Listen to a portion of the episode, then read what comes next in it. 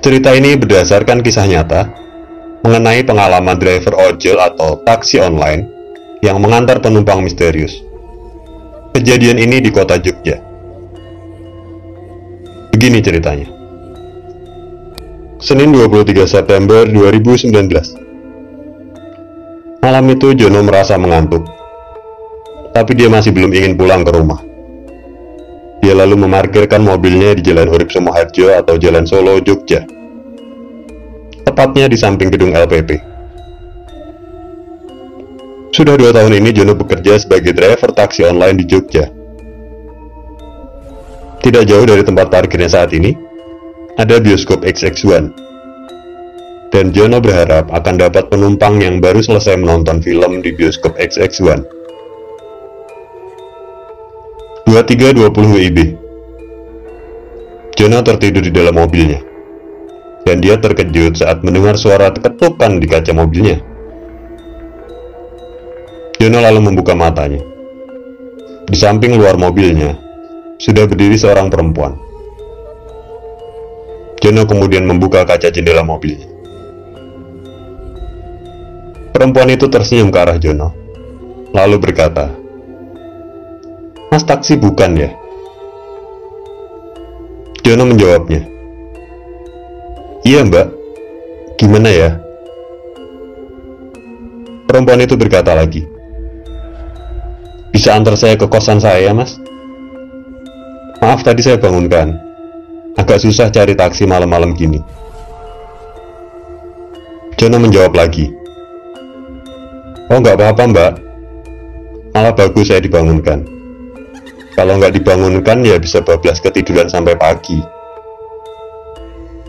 Ini mbak mau pakai aplikasi atau enggak ya? Perempuan itu tersenyum. Lalu menjawab.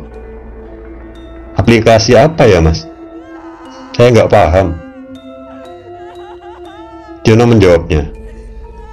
Ya aplikasi taksi online mbak. Ya sudah, manualan aja ya mbak. Nanti mbak langsung bayar waktu sampai. Mari silahkan masuk mbak. Jono lalu membuka pintu sebelah kanan belakang mobilnya, dan perempuan itu masuk ke dalam mobilnya. Beberapa saat kemudian mobil Jono beranjak dari lokasi itu. Jono yang sebelumnya merasa ngantuk dan sempat ketiduran di mobil, langsung merasa segar dan bersemangat karena mendapat penumpang perempuan yang cukup cantik. Perempuan ini berambut pendek, mirip seperti model potongan Demi Moore dalam film Ghost yang pernah sangat ngehits zaman dulu. Wajah perempuan ini kalau diperhatikan sepintas mirip Via Valen. Tapi rambutnya pendek. Nama perempuan ini Linda. Sepanjang perjalanan ke arah kos Linda, semuanya biasa saja. Kecuali ada satu hal yang membuat Jono merasa sedikit aneh. Sejak Linda masuk ke dalam mobilnya, dan sepanjang perjalanan, Jono merasakan ada aroma atau bau aneh yang tercium olehnya bukan bau kentut tentunya. Tapi seperti bau roti yang dibakar sampai hangus. Bau gosong. Walaupun begitu, Jono cuek saja dan tetap menyetir mobil ke arah kos Linda. Tidak terlalu jauh, di daerah Demangan. Linda yang duduk di kursi belakang, lalu berkata ke Jono, Mas sering nyari penumpang di tempat tadi. Jono menjawab, Enggak sih mbak, baru tadi aja. Biasanya saya nongkrong di pom bensin yang buka 24 jam kalau sudah malam. Linda berkata lagi, Oh gitu, Mas bukan asli orang Jogja ya? Jono menjawab, Iya, saya aslinya Jepara. Baru dua tahun ini saya pindah Jogja. Kok mbak tahu kalau saya bukan asli Jogja? Linda kemudian berkata, Ya biasanya kalau orang Jogja nggak mau nongkrong lama di tempat tadi mas Takut biasanya Jono menjawabnya Takut Takut kenapa? Wong tempatnya terang kok itu di sana tadi. Gak serem. Linda tersenyum mendengar jawaban Jono. Dan dia berkata, Ya nggak tahu mas. Takut hantu mungkin mas. Jono menjawab lagi.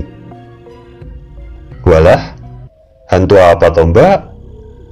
Zaman sudah canggih gini apa ya masih ada hantu?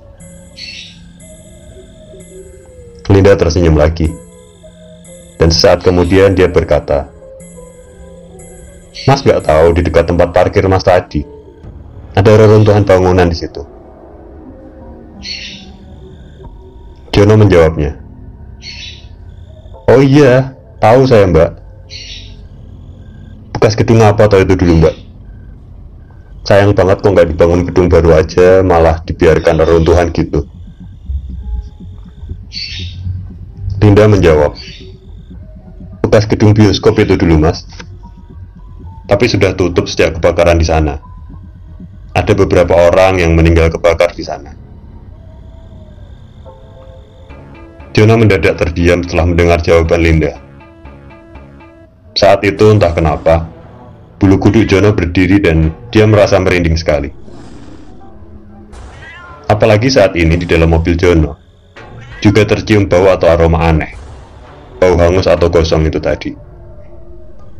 Dan Linda baru saja menceritakan tentang gedung bioskop yang kebakaran, dengan beberapa orang meninggal terbakar hangus di sana. Dana terdiam, tak bisa berkata-kata.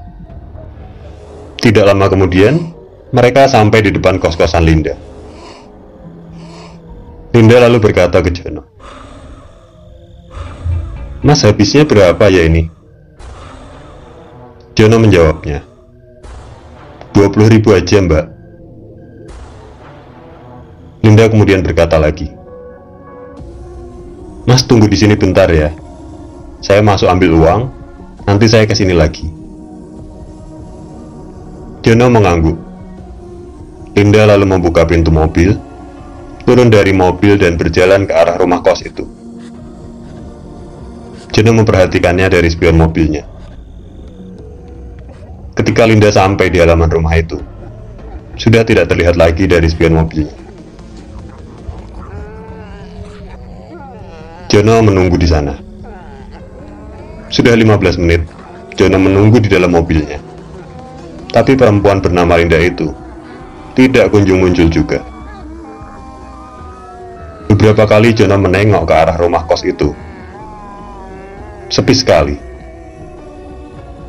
Ya wajar juga sih. Sudah hampir jam 12 malam saat itu. Dan Jono tetap menunggu di dalam mobilnya. Keesokan paginya, pukul 7.35 WIB, Jono terkejut mendengar suara ketukan di kaca mobilnya. Dia lalu membuka kedua matanya.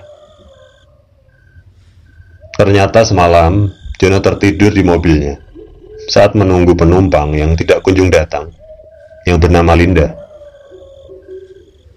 Deno lalu membuka pintu mobilnya dan turun menghampiri orang yang mengetuk kaca mobilnya. Orang ini laki-laki. Pria ini lalu berkata ke Jono, Mas nunggu siapa ya? Kok tidur di sini? Jono menjawab, saya semalam ngantar penumpang. Dia ngekos di sini. Katanya mau masuk ambil uang untuk bayar jasa antar saya. Lah kok saya tunggu gak balik-balik ke sini? Dan akhirnya saya ketiduran. Pria itu tampak kebingungan. Rumah kosnya yang mana, Mas? Jono menjawabnya, Ya yang ini mas. Makanya saya parkir mobilnya di sini Di depan rumahnya. Dia perempuan mas. Atau mungkin mas kenal? Katanya namanya Linda.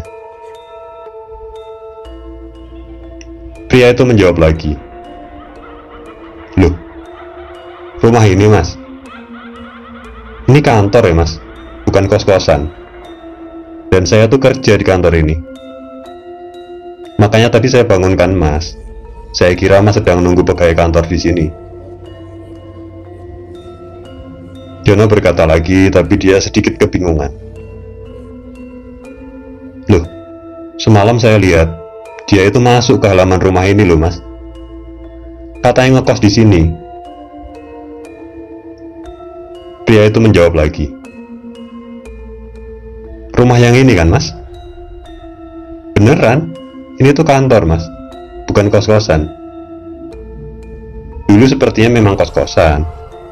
Tapi sudah lima tahun ini disewa bos saya untuk kantor. Dan sejak awal, saya kerja di sini. Jono makin bingung dengan penjelasan pria itu. Padahal semalam dia mengantar penumpang yang bernama Linda itu, dan dia melihatnya masuk ke halaman rumah ini. Katanya mau masuk sebentar untuk ambil uang, dan Jono disuruh menunggu. Tapi kok kata pria ini, rumah ini bukan kos-kosan, tapi kantor. Jono yang masih merasa kebingungan, lalu berpamitan ke pria itu.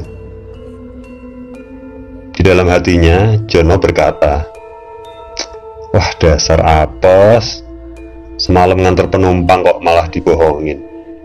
Ditunggu-tunggu, gak datang juga, sampai ketiduran, dan ternyata dia bohong. Tidak lama kemudian, Jono kemudian meninggalkan lokasi itu dengan mengendarai mobilnya. Tujuannya saat itu ke pom bensin terban untuk numpang mandi. Sebelum hari ini dia melanjutkan mencari penumpang lagi. Sesampainya di pom bensin, dan setelah selesai numpang mandi di sana, Jono beristirahat sebentar di dalam mobilnya. Pikirannya melayang-layang ke kejadian semalam tentang penumpang misterius yang bernama Linda yang dia antar pulang ke kosnya, tapi ternyata Pagi harinya rumah yang dimaksud kos-kosan oleh Linda ternyata sebuah kantor, bukan kos-kosan. Otak Jono rasanya penuh dengan pertanyaan-pertanyaan yang tidak terjawab. Dan saat Jono sedang melamun itulah, tiba-tiba dia mencium ada aroma aneh. Sangat kuat aroma itu di dalam mobilnya. Aroma aneh yang semalam juga dia cium saat mengantar Linda. Aroma yang sama. Seperti bau gosong atau bau hangus. Dan bau itu kuat sekali. Padahal dari tadi, bau itu tidak ada di dalam mobilnya. Ya kecuali semalam saat dia mengantar Linda. Jono lalu menengok ke kanan dan ke kiri ke arah kursi di belakangnya melalui spion tengah. Dan Jono sangat terkejut saat itu. Jantungnya berasa mau copot. Entah kapan dan dari mana datangnya. Dari spion tengah mobilnya, dia melihat ada seorang perempuan duduk di kursi belakang mobilnya. Dan perempuan itu tersenyum ke arah Jono. Jono mengenali perempuan itu. Tidak salah lagi, Perempuan itu Linda, penumpang yang semalam dia antar ke kosnya. Jono kebingungan dan merasa takut saat itu. Linda kemudian berkata ke Jono, dan Jono hanya memperhatikan dari kaca tengah atau kaca spion tengah mobilnya. Linda berkata ke Jono, Makasih ya mas, semalam udah antar aku pulang uang mas. Hari ini akan aku tukar. Mas tenang aja. Jono benar-benar merasa ketakutan saat itu. Dan saking takutnya, dia tidak bisa berkata-kata. Tubuhnya terasa kaku, tidak bisa bergerak. Dia hanya bisa memandangi Linda yang duduk di kursi belakang, dan itu hanya dilakukan dari spion tengah kaca mobilnya. Tidak lama kemudian, perempuan itu yang bernama Linda tiba-tiba menghilang dari pandangan. Begitu juga dengan aroma atau bau gosong yang tadi tercium, tiba-tiba menghilang bersamaan dengan menghilangnya Linda. Beberapa saat kemudian, Jono mulai bisa menggerakkan tangannya. Tubuhnya tidak terasa kaku seperti patung. Jono lalu membaca-baca beberapa doa untuk menenangkan diri. Hari itu Jono melanjutkan aktivitasnya mencari penumpang. Seperti hari-hari biasanya saja. Tapi ada yang sedikit berbeda hari itu. Biasanya, sangat jarang pendapatan Jono dari mencari penumpang bisa tembus 400 ribu rupiah dalam sehari semalam. Tapi entah hari itu kenapa, baru jam 8 malam, pendapatan Jono sudah menyentuh angka 650 ribu rupiah. Entah ada hubungannya atau tidak, tapi saat tadi pagi, saat sosok Linda muncul dengan tiba-tiba, Linda sempat berkata ke John, Makasih ya mas, semalam udah antar aku pulang. Uang mas, hari ini akan aku tukar. Mas tenang aja. Pada tahun 1999, tepatnya hari Kamis 23 September 1999, atau sekitar 22 tahun yang lalu, terjadi peristiwa kebakaran hebat di sebuah bioskop di Jogja, yaitu Bioskop Regent 21. Saat kebakaran Bioskop Regent 21, ada satu teater yang masih menayangkan film di jam midnight atau tengah malam. Sekitar jam 23 atau jam 11 malam, kebakaran terjadi dan menewaskan belasan orang penonton. Beberapa korban meninggal dalam kondisi hangus terbakar, dan beberapa korban lainnya meninggal karena terkepung asap dan terinjak-injak penonton lain yang berusaha menyelamatkan diri karena panik. Linda, bukan nama aslinya ya, adalah salah satu penonton di bioskop Regent 21 saat itu. Dan Linda ini termasuk salah satu korban meninggal dalam kebakaran di tahun 1999 itu. Linda adalah mahasiswi di salah satu universitas swasta di Jogja, dan dia kos di daerah Demangan. Rumah kos yang dulu ditempati Linda sudah beralih fungsi menjadi sebuah kantor. Dan hal ini ada hubungannya juga dengan Linda, atau arwah Linda, atau hantu Linda, atau korin Linda. Setelah Linda meninggal dalam kebakaran bioskop Regent 21, penghuni kos lainnya sering mendengar suara tangisan dari bekas kamar Linda. Dan sering kali Sosok Linda ini menampakkan diri dengan wujudnya yang hangus terbakar. Karena penghuni kos ketakutan, akhirnya kos itu ditinggalkan, dan beberapa tahun setelahnya, rumah kos itu disewa untuk sebuah kantor. Itu sebabnya, ketika sosok Linda menampakkan diri ke Jono, selalu tercium bau hangus atau gosong. Karena dia meninggal dalam keadaan terbakar hangus di bioskop Regent 21 tahun 1999. Terima kasih Anda sudah menonton atau menyaksikan video ini. Kita ketemu lagi di video-video horror holics lainnya. Subscribe channel horror holics ini, nyalakan tombol loncengnya supaya Anda dapat notifikasi ketika ada video-video terbaru dari horror holics. Semoga hari Anda bahagia, tetap sehat, tetap semangat, tetap patuhi protokol kesehatan. Salam dari saya Arfi, dari channel Horror Holics. Matur nuwun.